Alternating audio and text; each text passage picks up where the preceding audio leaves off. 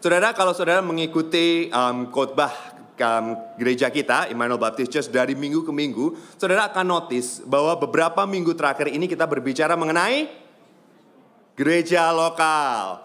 Dan di tengah saudara budaya yang semakin individualis dan semakin konsumeris, kita berusaha menjawab pertanyaan ini. Mengapa kita seharusnya mencintai gereja lokal? Mengapa kita harus tertanam di gereja lokal? Kenapa nggak hanya ikut gereja virtual? Kenapa nggak kita ikut church hopping? Dua minggu ini kita mulai menjawab pertanyaan-pertanyaan ini.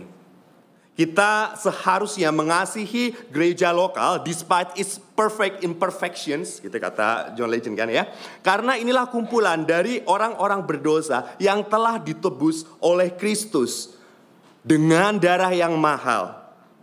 Dan di sinilah akan ada pemulihan, penerimaan, pengampunan, kasih, dan perubahan hidup.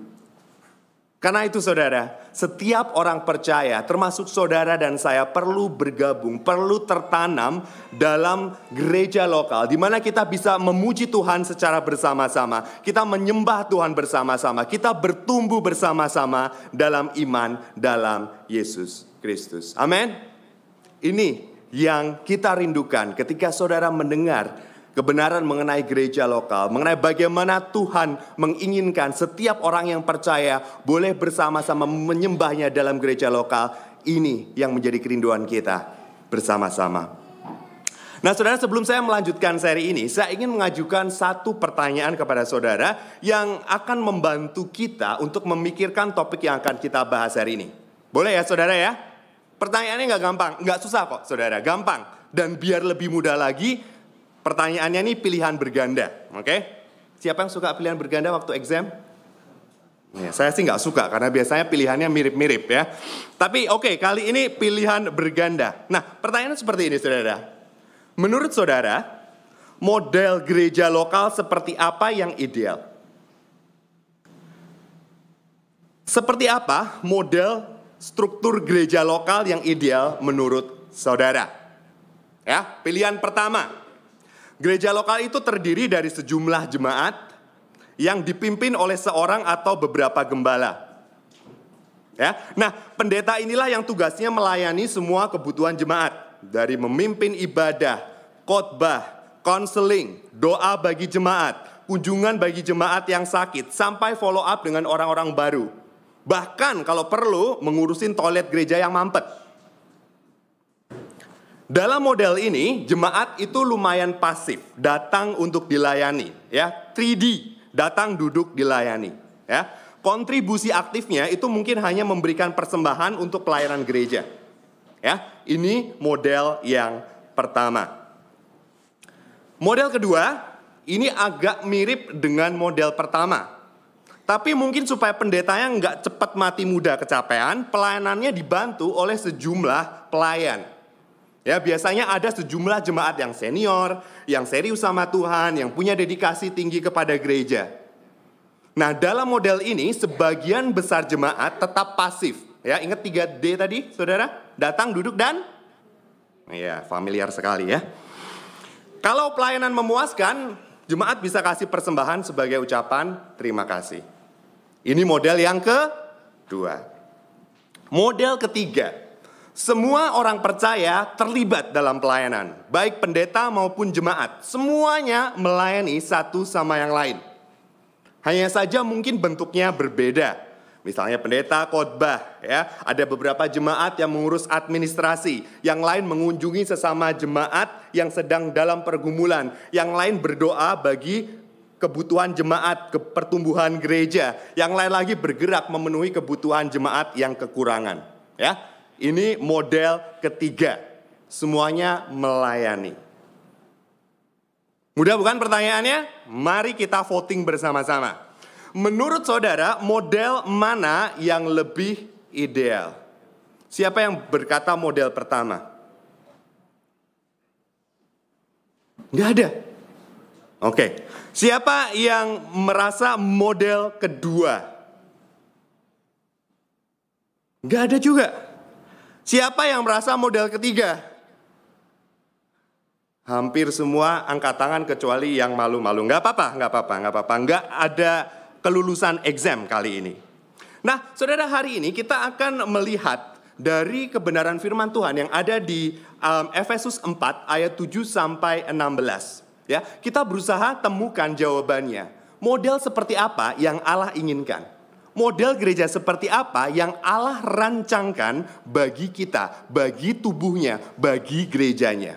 Oke? Mari kita buka bersama-sama saudara di Efesus 4 ayat 7 sampai 16. Efesus 4 ayat 7 sampai 16. Seperti biasanya bagi saudara um, yang biasanya saya tulis um, teksnya dalam bahasa Inggris di PowerPoint dan saudara ikuti dalam terjemahan bahasa Indonesia di Alkitab saudara-saudara. Saya akan bacakan bagi saudara. Efesus 4 ayat 7 sampai 16. Tetapi kepada kita masing-masing telah dianugerahkan kasih karunia menurut ukuran pemberian Kristus. Itulah sebabnya kata Nas, tatkala ia naik ke tempat tinggi, ia membawa tawanan-tawanan. Ia memberikan pemberian-pemberian, bahasa Inggrisnya gift, ini menunjukkan pada kasih karunia yang disebutkan sebelumnya, memberikan pemberian-pemberian kepada manusia Bukankah ia telah naik berarti bahwa ia juga telah turun ke bagian bumi yang paling bawah? Ia yang telah turun, ia juga yang telah naik jauh lebih tinggi daripada semua langit untuk memenuhkan segala sesuatu. Dan ialah yang memberikan baik rasul-rasul maupun nabi-nabi, baik pemberita-pemberita Injil maupun gembala-gembala atau pengajar-pengajar, untuk memperlengkapi orang-orang kudus bagi pekerjaan pelayanan, bagi pembangunan tubuh Kristus. Sampai kita semua telah mencapai kesatuan iman dan pengetahuan yang benar tentang anak Allah. Kedewasaan penuh dan tingkat pertumbuhan yang sesuai dengan kepenuhan Kristus. Sehingga kita bukan lagi anak-anak yang diombang-ambingkan oleh rupa-rupa angin pengajaran, oleh permainan palsu manusia dalam kelicikan mereka yang menyesatkan, tetapi dengan teguh berpegang pada kebenaran dalam kasih, kita bertumbuh ke dalam segala hal ke arah Dia, Kristus yang adalah kepala. Daripadanya lah seluruh tubuh yang rapi tersusun dan diikat menjadi satu oleh pelayanan semua bagiannya, sesuai dengan kadar pekerjaan tiap-tiap anggota, menerima pertumbuhannya, dan membangun dirinya dalam kasih. Demikianlah firman Tuhan, berbahagialah kita yang mendengarkan, dan bukan hanya mendengarkan, namun merenungkan dan melakukannya. Begini saudara, ketika Allah menyelamatkan saudara dan saya, Allah itu nggak meninggalkan kita sendirian ya kita menjadi satu tubuh, menjadi satu bagian dari tubuh Kristus. Satu tubuh, satu roh, satu Allah, satu Tuhan, satu iman, satu baptisan. Ini yang Paulus katakan di ayat 4 dan 6 yang tidak kita baca tadi. Satu tubuh, satu roh, satu Allah, satu Tuhan, satu iman, satu baptisan. Dan Yesus mempunyai satu tujuan bagi tubuhnya, bagi gerejanya, termasuk Emmanuel Baptist Church. Allah ingin tubuhnya, gerejanya bertumbuh. Dan saudara perhatikan ayat 13. Ayat 13 ini menunjukkan hasil pertumbuhan tubuh Kristus ini. Ya, kita kita baca sekali lagi ayat 13 sampai kita semua telah mencapai kesatuan iman dan pengetahuan yang benar tentang anak Allah. Kedewasaan penuh dan tingkat pertumbuhan yang sesuai dengan kepenuhan Kristus. Ini adalah tiga gambaran dari gereja yang bertumbuh. Saudara, Allah ingin gerejanya secara korporat ya, saudara tahu korporat ya, secara keseluruhan dan setiap individu yang ada di dalamnya itu untuk mengenal Yesus dengan benar, mengenal karya keselamatan Yesus dengan benar. Bukan cuma sekedar mengenal secara kognitif, secara teori, tapi sungguh-sungguh percaya. Saudara bisa membedakan antara teori dan percaya ya, saudara ya. yakin akan kebenarannya yang terus-menerus mengubahkan hidup kita. Memiliki iman yang teguh, memiliki iman yang sempurna, dan seluruh tubuh Kristus mempunyai kesatuan, satu dalam iman dan pengetahuan yang benar tentang Kristus. Ini yang Allah ingin terjadi di dalam gerejanya. Yang kedua, Allah ingin agar gerejanya itu menjadi dewasa. Saudara perhatikan di ayat 14. Bahwa tubuhnya, bahwa kita, jemaatnya tidak lagi seperti anak-anak yang mudah dibohongin. Diseret sana sini, terombang ambing oleh pengajaran palsu, kayak layangan putus.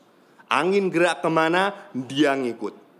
Mudah terpikat oleh pengajar-pengajar yang kelihatannya rohani, pinter, berkarisma, tetapi ternyata memberitakan Kristus yang palsu, Injil yang palsu. Allah ingin gerejanya itu mature, gerejanya itu bisa membedakan mana kebenaran yang sejati, mana yang dongeng mistik, mana yang hikmat ajaran dunia. The true gospel from prosperity gospel. Gak mudah ikut-ikutan yang lagi ngetren. Self love, materialism, sexual revolution, gender fluidity. Tetapi semuanya berpegang teguh akan kebenaran firman Tuhan yang sejati. Dan yang terakhir, Yesus ingin gerejanya menjadi semakin serupa dengan dia dalam segala hal. Sudah perhatikan di ayat 15. Kita bertumbuh ke dalam segala hal ke arah dia Kristus yang adalah kepala setiap kerinduan gereja Allah, setiap keinginan hati jemaat Allah, setiap karakter gereja Kristus secara korporat, secara individu menjadi semakin serupa dengan Kristus. Gereja Allah kita, Emmanuel Baptist Church dan hidup saudara itu menggambarkan Kristus, merepresentasikan Kristus. Amin. Inilah yang Tuhan inginkan dari gereja lokal dari Immanuel Baptist Church dan saudara yang tertanam di gereja ini. Saudara sadar nggak? Ini kerinduan Allah. Mengenal dia secara sempurna, dewasa dalam iman, dan serupa dengan dia. Nah, pertanyaannya yang akan kita bahas secara lengkap hari ini. Kalau itu tujuannya, bagaimana goal itu bisa dicapai. Bagaimana tujuan ini bisa tercapai? Ini yang Paulus panjang lebar jelaskan dari ayat 7 sampai 12. Ya, saya ajak saudara untuk melihat terlebih dahulu ayat 7. Saya bacakan bagi saudara ya. Tetapi kepada kita masing-masing telah dianugerahkan kasih karunia menurut ukuran pemberian Kristus. tujuan pembangunan bait Allah, tujuan pembangunan tubuh Kristus ini terjadi dengan Kristus memberikan karunia kepada semua anggotanya. Saudara tahu? Saudara bisa baca dari ayat itu? Nah, karunia di sini bukan menjelaskan, bukan menunjuk kepada keselamatan dalam Tuhan Yesus, tetapi menunjuk kepada karunia-karunia rohani, manifestasi Roh Kudus yang Tuhan berikan untuk pembangunan tubuh Kristus. Jadi begini saudara ceritanya ya. Ketika Yesus mati di kayu salib dan bangkit dari kematian, ia mengalahkan musuh-musuhnya. Betul? He is the victorious king of all. Dan ketika itu saudara, ia melucuti otoritas-otoritas dari semua penguasa yang ada. Dan di dalam kemenangannya saudara, ia memberikan karunia bagi umatnya. Gambarannya itu seperti ini, saudara. Ada yang pernah nonton film perang nggak? Atau kayak film silat gitu ya? Nah, kalau saudara pernah nonton, saudara pernah lihat nggak? Ada seorang jenderal atau seorang raja yang menang atas musuhnya, ya? Jadi raja yang menang masuk ke dalam kota, membebaskan rakyatnya yang berada dalam tawanan musuh, dan ketika ia masuk dalam prosesi itu, rakyatnya bersorak-sorai dan sang raja dan sang jenderal itu membagikan rampasan perang yang berlimpah kepada rakyat-rakyatnya. Pernah saudara melihat film seperti itu? Nah gambarannya itu seperti ini. Yesus yang menang memberikan karunia-karunia, memberikan hadiah-hadiah kepada setiap jemaatnya, kepada setiap orang percaya yang sudah diselamatkannya. Daryl Bock, ya, dosen Muse ketika Muse sekolah di Dallas, menulis seperti ini. God has equipped the church through a power and authority he possessed and distributed through the Christ who has ascended over all. The gifts we receive are the spoils of a victory already achieved by his work on the cross. They are to be utilized in the battle that remains. Allah itu memperlengkapi gerejanya melalui kuasa, melalui um, apa ya, melalui um, otoritas yang kita yang dimilikinya dan dibagikan melalui Kristus yang sudah naik di atas segala-galanya.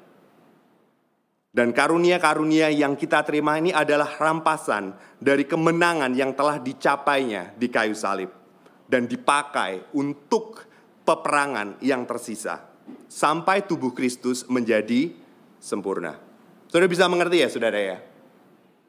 Nah, Saudara, Efesus 4 ini yang tadi kita baca nggak menyebutkan karunia-karunia rohani apa saja yang Yesus berikan. Tetapi Paulus menunjukkannya, memberikannya di surat-suratnya yang lain. Ya, kalau saudara baca Roma 12 ayat 6 sampai 8, ada banyak karunia yang, yang disebutkan. Contohnya, karunia nubuatan, karunia melayani, karunia mengajar, karunia menasehati, karunia memberi, karunia kepemimpinan. Di bagian lain, di 1 Korintus 12 ayat 8 sampai 9 disebutkan ada karunia hikmat, karunia pengetahuan, karunia iman, karunia menyembuhkan orang sakit, karunia melakukan mujizat, karunia membedakan berbagai macam roh, karunia nubuatan, karunia bahasa lidah dan interpretasinya. Jadi ada begitu banyak karunia yang Yesus berikan kepada gerejanya, kepada setiap dari kita. Dan kalau tadi saudara um, perhatikan daftar yang ada di Roma, yang tadi saya sebutkan dari Roma, dan daftar yang ada di Korintus itu sedikit berbeda. Atau lebih tepatnya banyak perbedaannya. Ada karunia yang tertulis di Roma, tapi nggak ditulis di Korintus. Dan begitu sebaliknya, ada karunia yang ditulis di Korintus tetapi tidak ditulis di Roma. Apa artinya saudara? Bahwa karunia-karunia itu bukan merupakan daftar yang lengkap. Tetapi intinya sama. Allah melalui Yesus Kristus memberikan berbagai macam karunia rohani untuk pembangunan tubuh Kristus. Nah saudara, saya ingin menggarisbawain dua bagian dari ayat 7 ini. Ya. Yang pertama, karunia rohani diberikan kepada setiap orang percaya. Sudah perhatikannya di ayat 7 di bagian akhirnya sorry di bagian tengahnya itu kepada kita masing-masing. Ya. Terjemahan Inggrisnya lebih jelas to each one of us. Ya. Sudah dapat itu? bukan to some of us, but each one of us. Saudara bisa bedanya, tahu bedanya antara some of us dan each of us. Implikasinya apa saudara? Bahwa setiap dari kita, coba saudara lihat ke kiri ke kanan di ruangan ini, setiap dari kita yang percaya tanpa kecuali. Ketika kita percaya kepada Kristus, Yesus memberikan karunia rohani kepada kita. Yesus memberikan karunia rohani kepada setiap dari kita. Pertanyaannya seperti ini, do you realize that? Saudara yang percaya kepada Kristus diberikan karunia rohani. Entah itu karunia untuk mengajar, untuk menginjil, untuk memberi, untuk melakukan mujizat. Saudara diberikan karunia rohani. Dan ini berbeda tuh saudara dengan bakat alami yang kita miliki. Mungkin bisa overlap ya, misalnya seseorang yang punya bakat ngomong kepadanya Tuhan berikan karunia untuk mengajar. Tetapi nggak selalu seperti itu. Bisa juga Allah memberikan karunia mengajar kepada seseorang yang nggak jago public speaking. Bisa juga seseorang yang jago public speaking justru Tuhan tidak memberikan karunia mengajar, tetapi karunia untuk melayani, hospitality. Tetapi setiap dari kita pasti Tuhan berikan karunia rohani untuk pertumbuhan tubuh Kristus. Itu implikasi pertama. Implikasi yang kedua, saudara, karena setiap dari kita, Tuhan berikan karunia rohani, setiap dari kita wajib untuk menggunakannya untuk pertumbuhan Kristus. Saudara, nggak ada yang namanya jemaat yang pasif, yang hanya dilayani. Setiap jemaat wajib menggunakan karunia rohaninya untuk melayani satu sama yang lain. Sampai seluruh tubuh Kristus menjadi serupa dengan Kristus. Saya rasa setelah dua tahun pandemi COVID, ini sesuatu hal yang kita perlu ingatkan. Karena apa? Karena selama kita pandemi, dengan keterbatasan yang ada, hanya sebagian kecil dari kita yang bisa terlibat dalam pelayanan pada saat itu. Dan tanpa sadar, itu sudah menjadi habit Terutama kalau kita berpikir mengenai pelayanan formal yang ada di gereja. Kita jadi keenakan dilayani saja dari minggu ke minggu, minggu ke minggu. Tetapi kebenaran firman Tuhan ini, setiap jemaat wajib menggunakan karunia rohaninya untuk melayani satu sama yang lain. Baik itu dalam pelayanan gereja yang formal, ya seperti khotbah hari ini ada usher, ada musicians, ada leading worshippers, ada bendahara gereja, ada yang mengurus kebersihan maupun dalam kelompok kecil mendoakan satu sama yang lain, mengencourage satu sama yang lain, memimpin pujian dalam cell group maupun dalam kehidupan sehari-hari. Misalnya yang mempunyai karunia doa, saudara aktif mendoakan satu sama yang lain, aktif mendoakan kebutuhan gereja di dalam um, saat teduh saudara. Setiap dari kita wajib menggunakan karunia rohaninya untuk melayani satu sama yang lain sampai tubuh Kristus menjadi serupa dengan Kristus. Mungkin saudara bertanya dalam hati, Karunia apa sih yang Tuhan berikan kepada saya? Alkitab nggak menjelaskan saudara secara detail bagaimana kita bisa menemukan karunia rohani kita step by step. Ya, cara yang populer itu yang biasa kita lakukan kita itu isi survei kecil-kecilan ya seperti spiritual gift test. Kayak contohnya seperti ini yang ada di online ya. Mungkin itu ada 20, 25 atau berapa? 40 pertanyaan dan saudara diminta untuk menjawab dari skala 1 sampai 5. Misalnya, I like organizing service or events. Ya kan? Never, always. I enjoy starting new churches. And, hmm. uh, never, always. Working with my hands is fun for me. Never, and always. Saudara bisa melakukannya di rumah. Ya, saudara bisa melakukannya bersama di di di cell group minggu ini. Tetapi ada satu kelemahan dari pendekatan ini. Kelemahannya apa saudara? Ini subjektif. Dan sering kali kita nggak mengenal diri kita dengan baik. Karena itu hasilnya sangat subjektif. It's very hard to evaluate ourselves kan. Apalagi tanpa masukan dari orang lain. Jadinya itu bisa bias.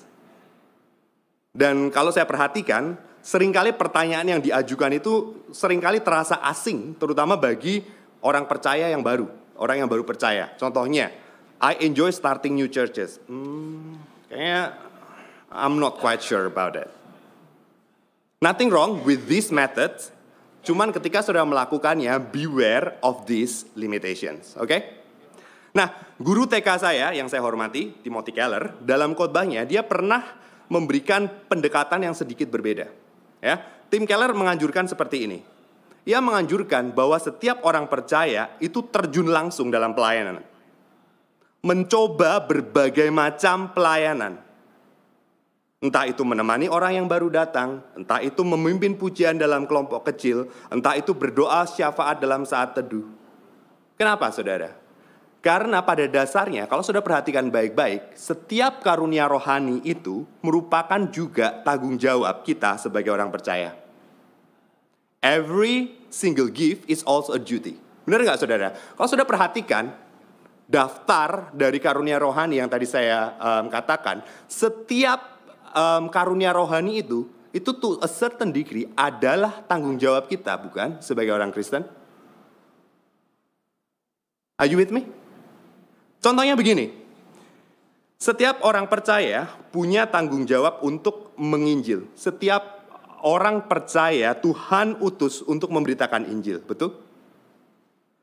Tetapi kepada beberapa orang Tuhan berikan karunia penginjilan. Contohnya yang sangat terkenal adalah Billy Graham. Saudara ada yang tahu Billy Graham? Ada yang nggak tahu Billy Graham? Tahu nggak tahu? Nggak ada yang angkat tangan atau bingung dengan pertanyaan saya? Oke, siapa yang nggak tahu Billy Graham? Beda generasi ya. Oke, Billy Graham adalah penginjil yang sangat terkenal. Ketika mengabarkan Injil dalam KKR, dia tuh bisa menggambarkan Injil dengan simpel dan mudah dimengerti. Sehingga banyak orang yang datang dimenangkan untuk Kristus. Luar biasa. Dan saya enggak. Tetapi saya pun tetap Tuhan berikan tanggung jawab untuk menginjil. Walaupun mungkin hasilnya dan prosesnya tidak se apa ya sespektakuler Billy Graham yang Tuhan berikan karunia penginjilan. Contoh lainnya saudara, setiap orang percaya itu harus berdoa syafaat, betul? Kita harus mendoakan satu sama yang lain. Tetapi ada yang Tuhan berikan karunia untuk berdoa.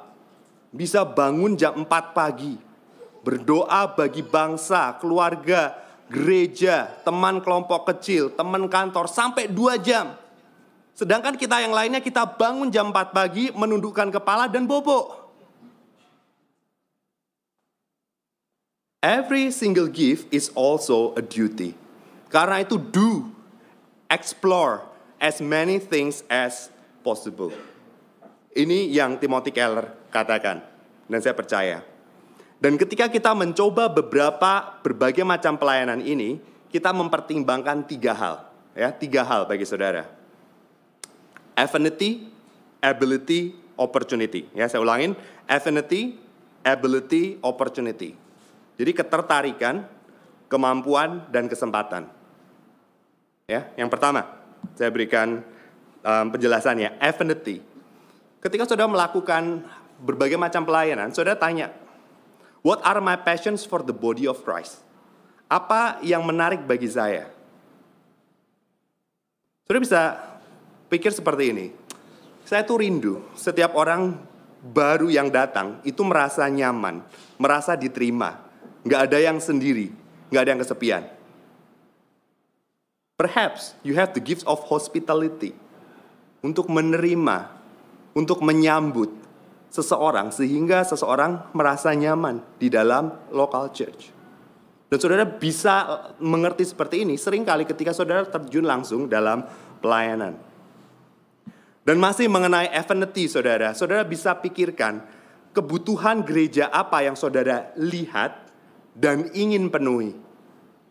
Bagian gereja mana yang mengganggu saudara? Saudara begini, sering kali yang kita kritik itu sering kali berhubungan, bersinggungan dengan karunia rohani, saudara. You can spot it because it's dear to your heart. Because God give you gifts to fix it. Mari saya berikan contoh dari hidup saya. Saya tuh paling gatel kalau dengar pengajaran yang nyeleneh. Karena saya tuh saya punya hidung anjing yang bisa mengendus apa ya ajaran sesat from miles away. Dan kalau liburan saudara, sering kali kan kita pergi ke gereja setempat. Yang saya perhatikan, ya pengajarannya. I don't care ada orang yang ngajakin ngomong saya atau enggak. Yang saya lihat itu pengajarannya, entah itu lewat lagu yang dia pilih, lewat itu khotbah atau pembicaraan satu sama yang lain. Why? Karena Tuhan, saya percaya Tuhan memberikan saya karunia pengetahuan dan karunia untuk mengajar. Dan di situlah Tuhan membuat saya bisa melihat kebutuhan dan mengisi, melengkapi, dan memperbaiki pengajaran yang kurang. Nah pertanyaan saya bagi saudara gitu ya. Apa yang membuat saudara gatel mengenai gereja ini?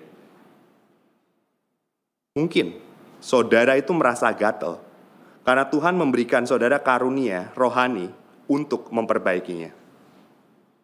By the way saudara, komplain itu nggak termasuk dalam daftar karunia rohani ya saudara. Jadi kalau saudara melihat kekurangannya, jangan sekedar komplain. Doa dan turun tangan. Pikirkan bagaimana karunia rohani yang saudara miliki ini bisa memperbaiki tubuh Kristus. God gives you gifts and put you here to build that particular area of the body of Christ. Itu yang pertama. Apa A yang pertama saudara? A, A, A. Affinity, oke? Okay? Ketertarikan. Gak apa-apa. Mungkin bahasa Inggrisnya nggak pas. Ketertarikan, affinity. Yang kedua, ability. Jadi sambil saudara melayani, pikirkan what I'm good at. What do people say I'm effective in? Mungkin ketika di cell group um, ada teman kelompok kecil saudara yang berkata, aku tuh sangat diberkati loh ketika kamu memberikan masukan waktu kakak. Rasanya kamu tuh bisa mengerti pergumulanku, aku tuh nggak merasa dihakimi dan nasihat yang kamu kasih itu bisa pas banget sama pergumulanku. Hey, mungkin saudara diberikan karunia untuk menasehati, untuk memberikan encouragement, atau mungkin ketika saudara mulai melayani, saudara itu merasa mudah membelokkan arah casual conversation menjadi pembicaraan mengenai Yesus Kristus. Dan dengan demikian you can easily lead unbelieving people around you to Christ. Mungkin saudara diberikan karunia menginjil oleh Tuhan untuk dipakai untuk tubuh Kristus. Jadi yang pertama, apa saudara? affinity. Nah, gitu dong. Enak. Yang kedua adalah ability. Dan yang ketiga, finally, opportunity. Kita perhatikan pintu apa yang Tuhan bukakan bagi saudara. Pintu kesempatan apa yang Tuhan berikan kepada saudara. Mungkin dalam hidup saudara Tuhan terus-menerus pertemukan saudara dengan orang-orang yang sedang menderita Mungkin Tuhan berikan the gift of mercy kepada saudara. Karunia untuk menolong, untuk menghibur orang-orang yang kesusahan. Atau mungkin Tuhan membuat saudara itu tahu kekurangan financial gereja atau kekurangan financial orang lain. Karena apa? Karena Tuhan berikan karunia untuk memberi kepada saudara. Dan Tuhan bukakan semua itu supaya saudara tahu dan pakai karunia memberi yang Tuhan kasih kepada saudara. Jadi saudara perhatikan opportunity apa yang Tuhan bukakan bagi saudara.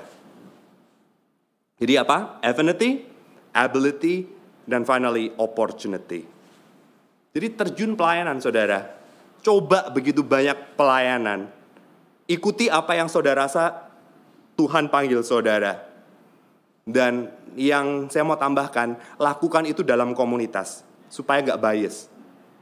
Ya, karena apa? Karena komunitas saudara, baik itu teman gereja, teman sel, maupun pemimpin um, um, pelayanan saudara seperti Musa, mereka yang akan mengarahkan, mereka yang akan mengkonfirmasi karunia saudara, atau bahkan mengkontradiksi apa yang yang saudara pikir karunia rohani saudara.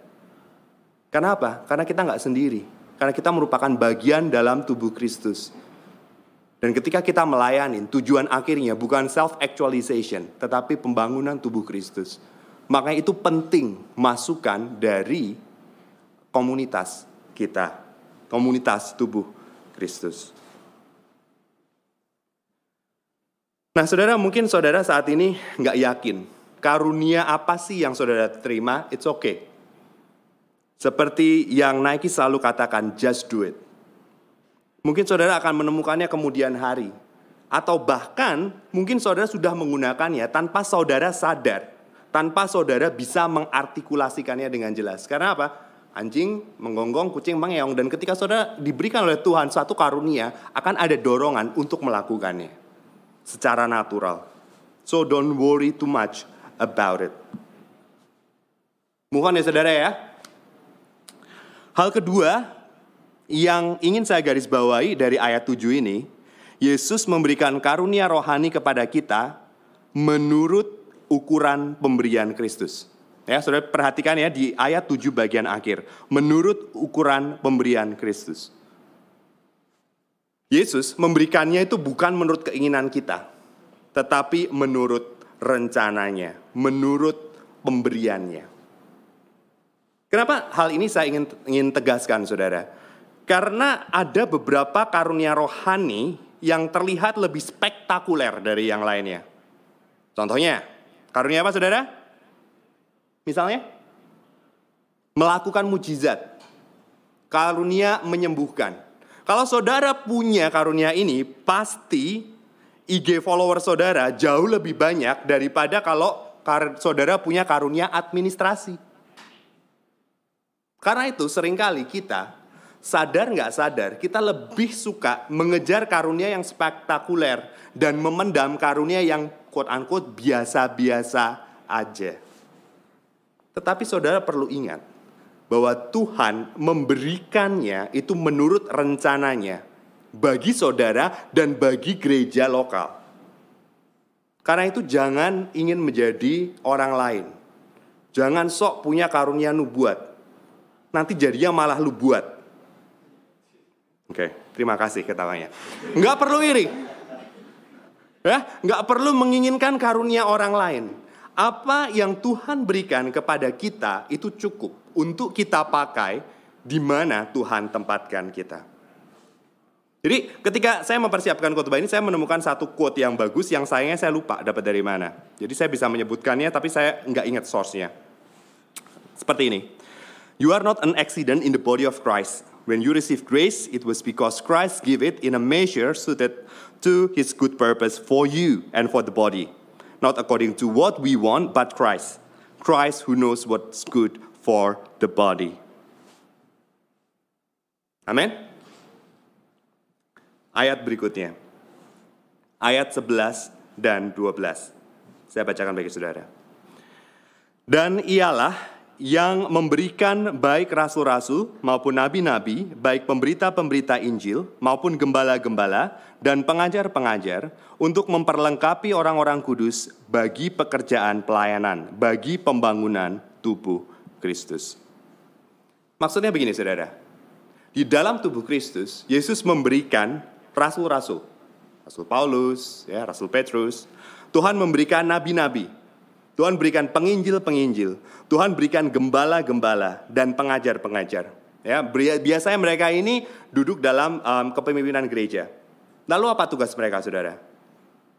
Tugas mereka itu bukan untuk mengerjakan semua pelayanan, tetapi untuk memperlengkapi setiap anggota gereja yang sudah Allah berikan karunia-karunia rohani, sehingga setiap orang yang percaya, setiap dari kita bisa melayani dengan efektif bisa membangun tubuh Kristus dengan lebih efektif.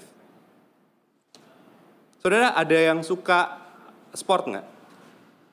Kira-kira analoginya, tentunya analogi itu nggak sempurna ya. Rasul, nabi, penginjil, gembala, pengajar itu kayak sport coach. Mereka yang mempersiapkan, mereka yang melatih, mereka yang menyemangati para pemain supaya players ini bisa main dengan lebih cantik. Inilah tugas mereka. Dalam bahasa aslinya saudara, memperlengkapi itu artinya menambahkan sesuatu yang kurang. Supplying something that is lacking. Artinya begini, karunia rohani saja nggak cukup. Walaupun setiap dari kita Tuhan sudah berikan karunia rohani, tapi itu masih rough, masih perlu diasah, masih perlu disempurnakan. Karena itu kita perlu dipersiapkan, kita perlu dilatih sehingga karunia rohani ini bisa dipakai dengan lebih sempurna. Contohnya begini. Mungkin saudara punya karunia untuk menasehati. Saudara perlu diperlengkapi oleh pengajar-pengajar supaya apa? Supaya saudara mengenal kebenaran firman Tuhan yang benar. Kalau nggak dilengkapi dengan firman Tuhan, kalau saudara punya karunia menasehati tetapi tidak mengenal firman Tuhan, saudara justru akan menjerumuskan orang bukan? Karena itu kita perlu perlu di, diperlengkapi. Kita perlu tertanam di gereja lokal. Kita perlu komitmen kepada gereja lokal sehingga saudara bisa diperlengkapi untuk melayani. Sehingga karunia rohani saudara bisa dipakai dengan lebih efektif lagi. Saudara sedikit refleksi. Saya rasa kebenaran firman Tuhan ini menegur kita semua. Ya, menegur budaya gereja yang sudah dipengaruhi oleh mental konsumer seperti yang Musa sebutkan minggu lalu. Banyak gereja, terutama gereja-gereja yang besar, hampir semua pelayanannya dilakukan oleh staff. Staff gereja. Mungkin hanya dibantu oleh sejumlah pelayan yang berkomitmen. Sebagian besar jemaatnya hanya menerima pelayanan dengan pasif. Terutama seperti yang tadi saya katakan di zaman post COVID-19 ini. Tapi itu bukan yang menjadi desain Allah bagi pembangunan gereja lokalnya. Saya rasa ini merupakan teguran bagi pemimpin gereja dan juga jemaat. Bagi pemimpin gereja seperti gembala, ministry leaders, coordinators, cell group leaders, Yesus memanggil saudara untuk menginvestasikan waktu saudara untuk memperlengkapi jemaat. Untuk memperlengkapi anggota kelompok kecil saudara untuk pekerjaan pelayanan. Seringkali tanpa sadar kita sibuk, kita ambil alih tugas, tanggung jawab pelayanan. Karena apa? Karena kita bisa lebih gampang mengkontrol sesuai dengan keinginan kita. Tetapi yang Tuhan inginkan, kita pemimpin gereja itu tidak mengerjakan bagian tanggung jawab mereka, tetapi kita memperlengkapi mereka. Oke? Okay? Jadi para pemimpin jangan kerjakan bagian tanggung jawab mereka, tetapi pikirkan cara mentor mereka untuk melayani, untuk memakai karunia rohani yang Allah sudah berikan kepada mereka. Dan kepada para anggota gereja, saudara bukan konsumer yang pasif. Saudara sudah diberi Tuhan Yesus karunia-karunia rohani. Jangan sia-siakan. Karena Tuhan akan meminta pertanggungjawaban dari apa yang Tuhan sudah berikan. Terjun dalam pelayanan, terutama ketika saudara sudah tahu karunia apa yang Tuhan berikan. Pakai itu dengan maksimal untuk pembangunan tubuh Kristus. Mungkin even your gift might still be rough, that's okay. Dan biarkan saudara diarahkan, diperlengkapi. Kalau ada seminar, pelatihan, ikuti, belajar. Ketika ketua kelompok kecil saudara memberikan arahan, dengarkan. We need trainings on any gifts that we have.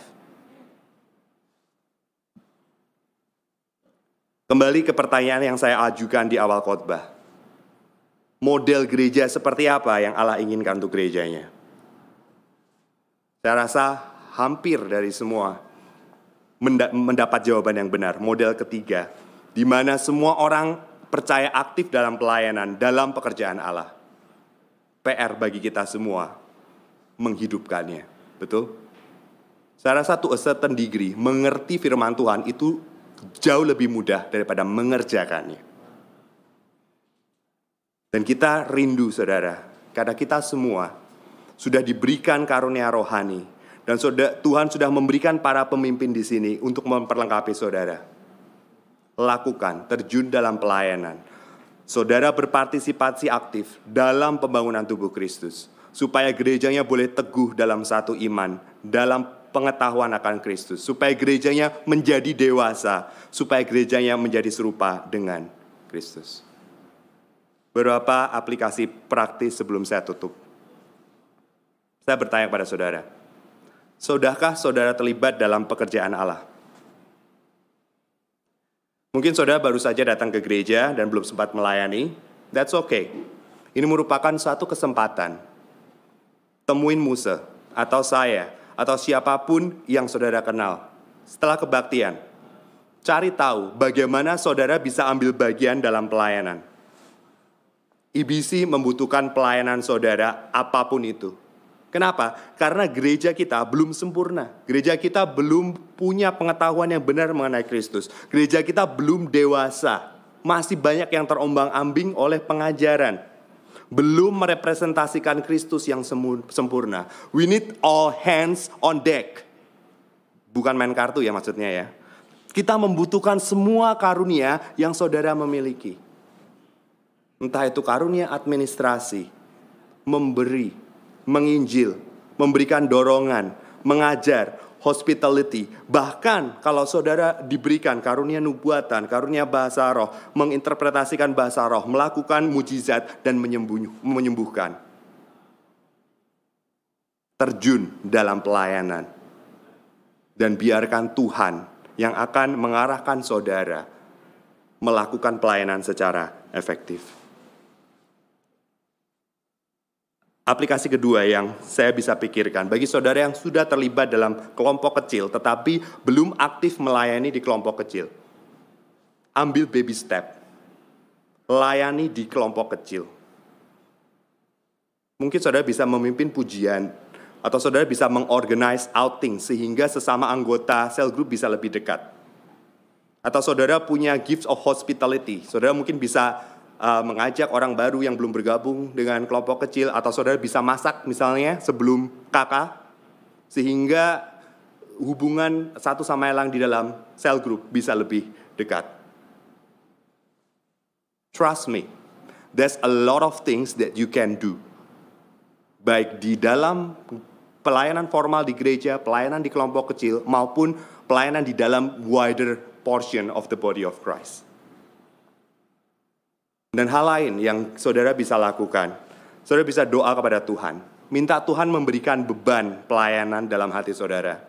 Minta Tuhan membukakan mata saudara untuk melihat kebutuhan apa di, di gereja atau di dalam tubuh Kristus secara keseluruhan yang belum terpenuhi.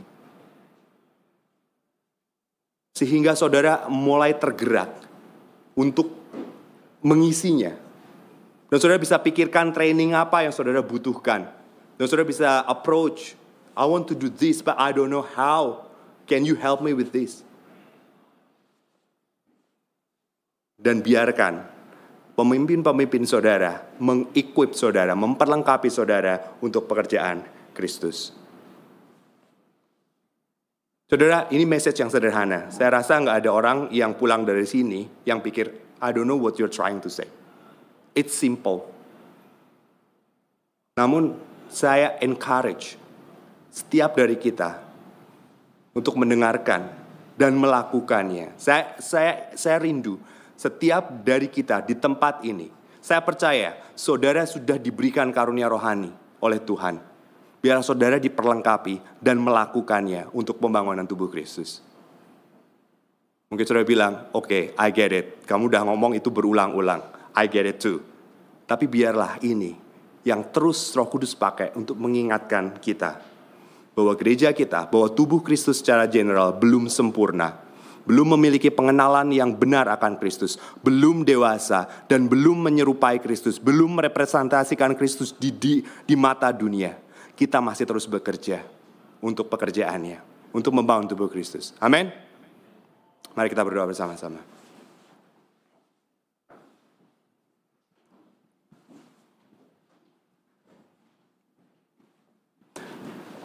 Biarkan Roh Kudus bekerja di dalam hati saudara, menegur, menguatkan, dan mengarahkan.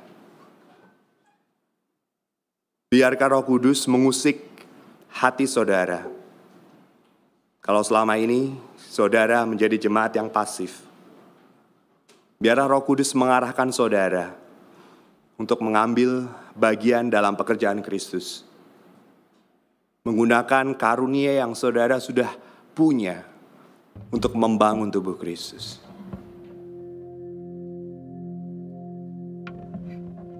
Biarlah kita pakai waktu ini membiarkan Roh Kudus bekerja secara spesifik di dalam hati setiap dari kita.